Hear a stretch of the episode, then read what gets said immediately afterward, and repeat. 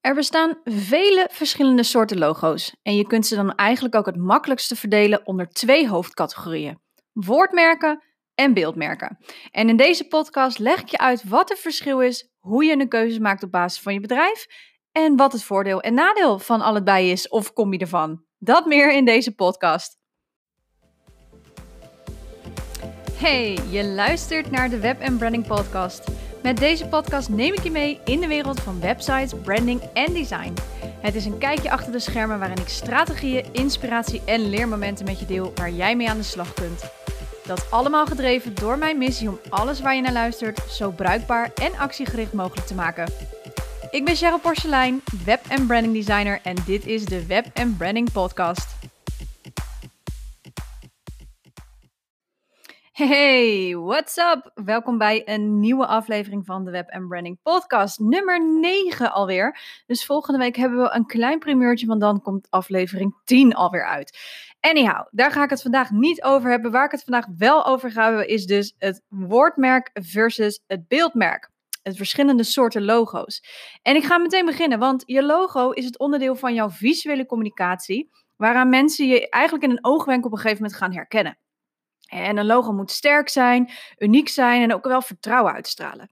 En een goed ontworpen logo gaat je echt helpen om op te vallen tussen al die andere logo's, maar het zal ook professionaliteit en, en zelfvertrouwen weergeven. Een logo moet wel altijd tijdloos en duurzaam zijn, dus gebruik alsjeblieft geen trends of dingen die je snel zat bent. Ik als web- en branding designer werk daar ook absoluut niet mee. Het kost namelijk nogal wat tijd en of geld om een nieuw logo te laten maken. En dat is zonde. En je kunt je visuele communicatie over de jaren heen natuurlijk wel een beetje bij beetje aanpassen. Omdat jij natuurlijk groeit en je bedrijf groeit, dus dat is prima. Maar een logo moet er zijn echt voor de flinke lange termijn. Dus hou dat in je hoofd. Van alle elementen binnen een branding identity die je zelf kunt maken, denk aan foto's of uh, lettertype kiezen, kleurenpaletten opstellen, is het toch wel aan te raden om het maken van een logo uit te besteden als je niet over de juiste programma's of de juiste skills um, ja, bezit. En plus, ja, een logo voor jezelf creëren is echt super lastig. Trust me, I've been there. Eén uh, glimp op, uh, op Pinterest en je ziet van alles leuks. Maar goed, iets leuks betekent nog niet dat het ook matcht met jouw bedrijf en je merk en kernwaarden. Dat bespreken we wel even een andere keer. Want laten we eens kijken naar de verschillende soorten logo's. En ik kan je vertellen, het zijn er veel hoor. Echt, er zijn echt veel verschillende soorten logo's.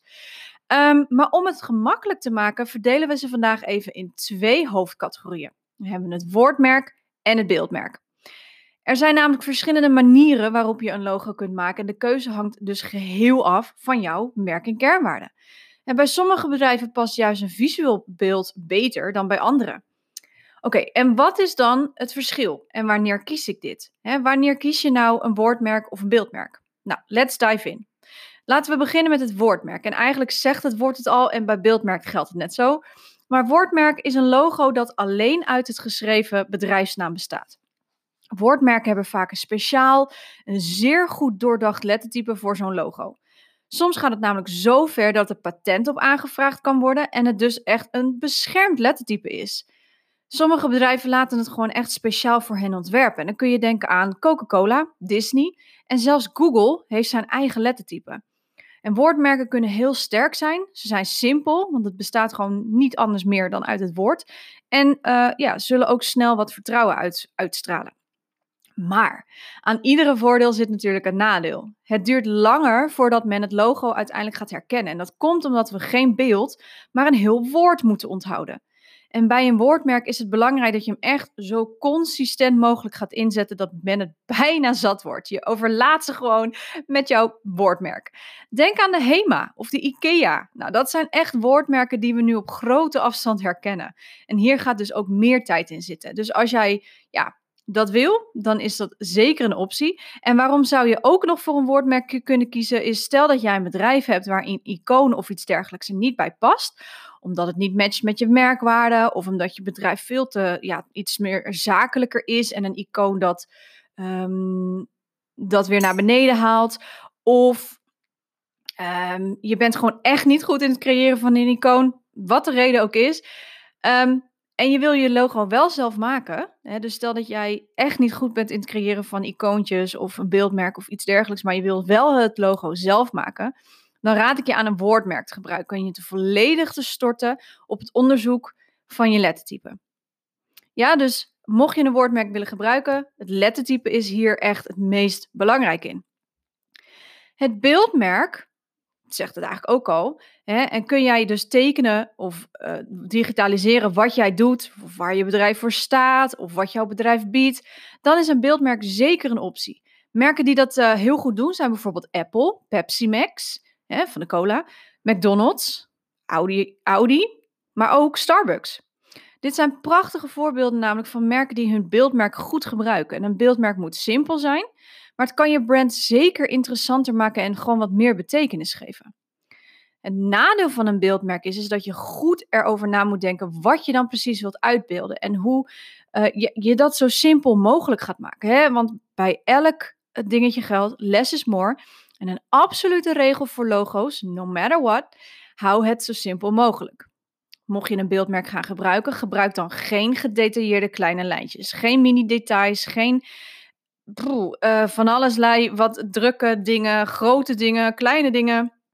Noem het allemaal maar op. Dus hou het zo simpel mogelijk. Logo moet echt namelijk op elk formaat, grootte, beeldscherm, uh, drukwerk zichtbaar zijn. Leesbaar en zichtbaar zijn. En dat geldt dus ook voor je woordmerk. Als jij een lettertype gebruikt wat niet leesbaar is, is het geen geslaagd woordmerk.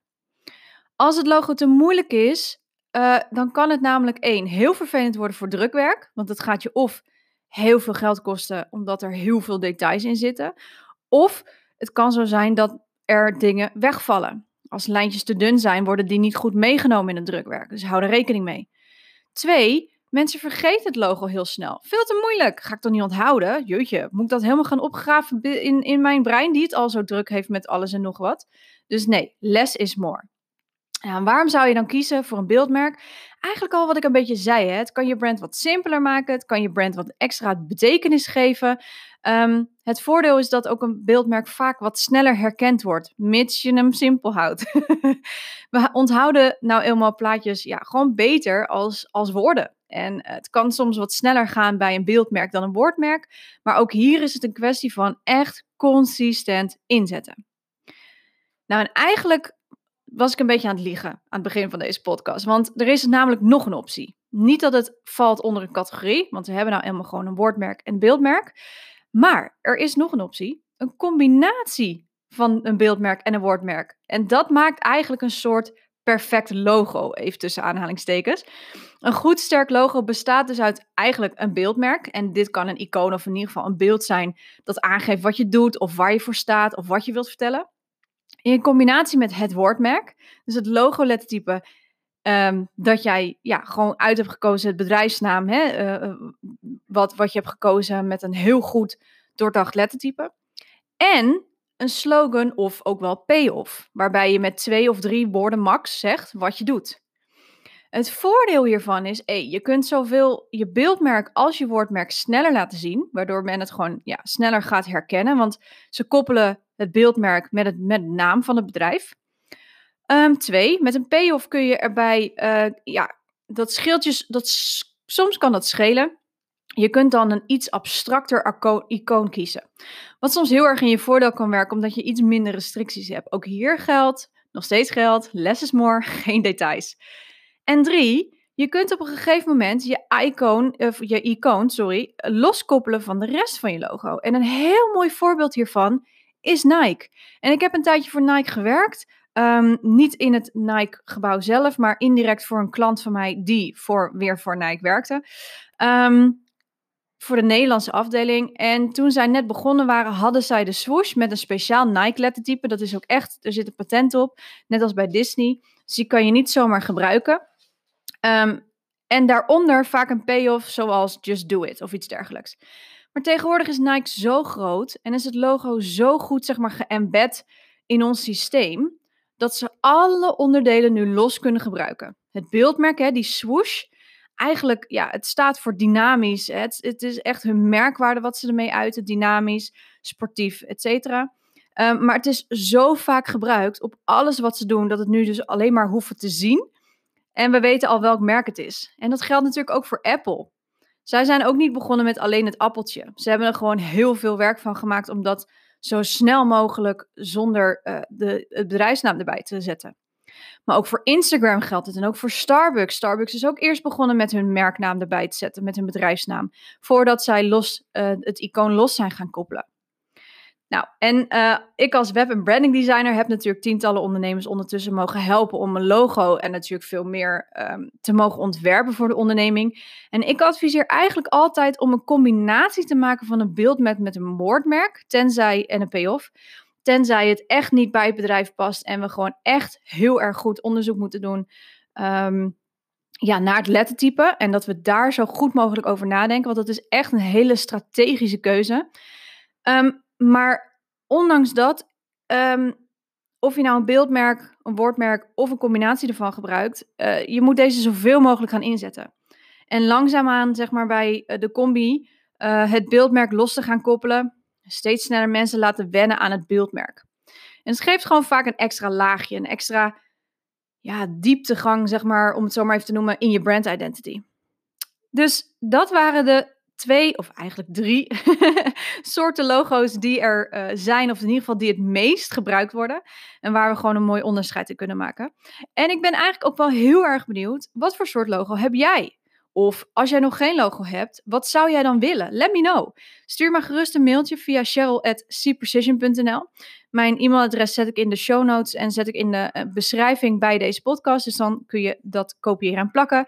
Of stuur me even een DM via mijn Instagram. Je kunt me vinden, Cheryl Porselein. Um, en dan ja, zie ik jouw reactie natuurlijk heel graag tegemoet. Nou, bij deze sluit ik deze podcast af. Ik hoop echt dat dit je op weg heeft geholpen of in ieder geval je geïnspireerd hebt. En volgende week ben ik er weer met een gloednieuwe aflevering. En dan heb ik namelijk iets leuks voor je klaarstaan, want het is dan de tiende aflevering en ik heb gewoon iets, uh, ja, dat wil ik gewoon vieren met jou. Dankjewel weer voor het luisteren en tot volgende week. Hey, voordat je weggaat, ik heb nog iets voor je. Want heeft deze podcast je nou aan het denken gezet en wil jij nou heel graag aan de slag met het opstellen van jouw eigen kleurenpalet? Dat kan. Ik heb namelijk mijn mini-training Bouw een sterk merk voor je klaarstaan. En in deze training leer ik jou alles over het opstellen van een kleurenpalet door middel van seizoenen en psychologie. En dat en nog veel meer. Ga naar www.cprecision.nl voor alle ins en outs en ik zie je graag in deze training.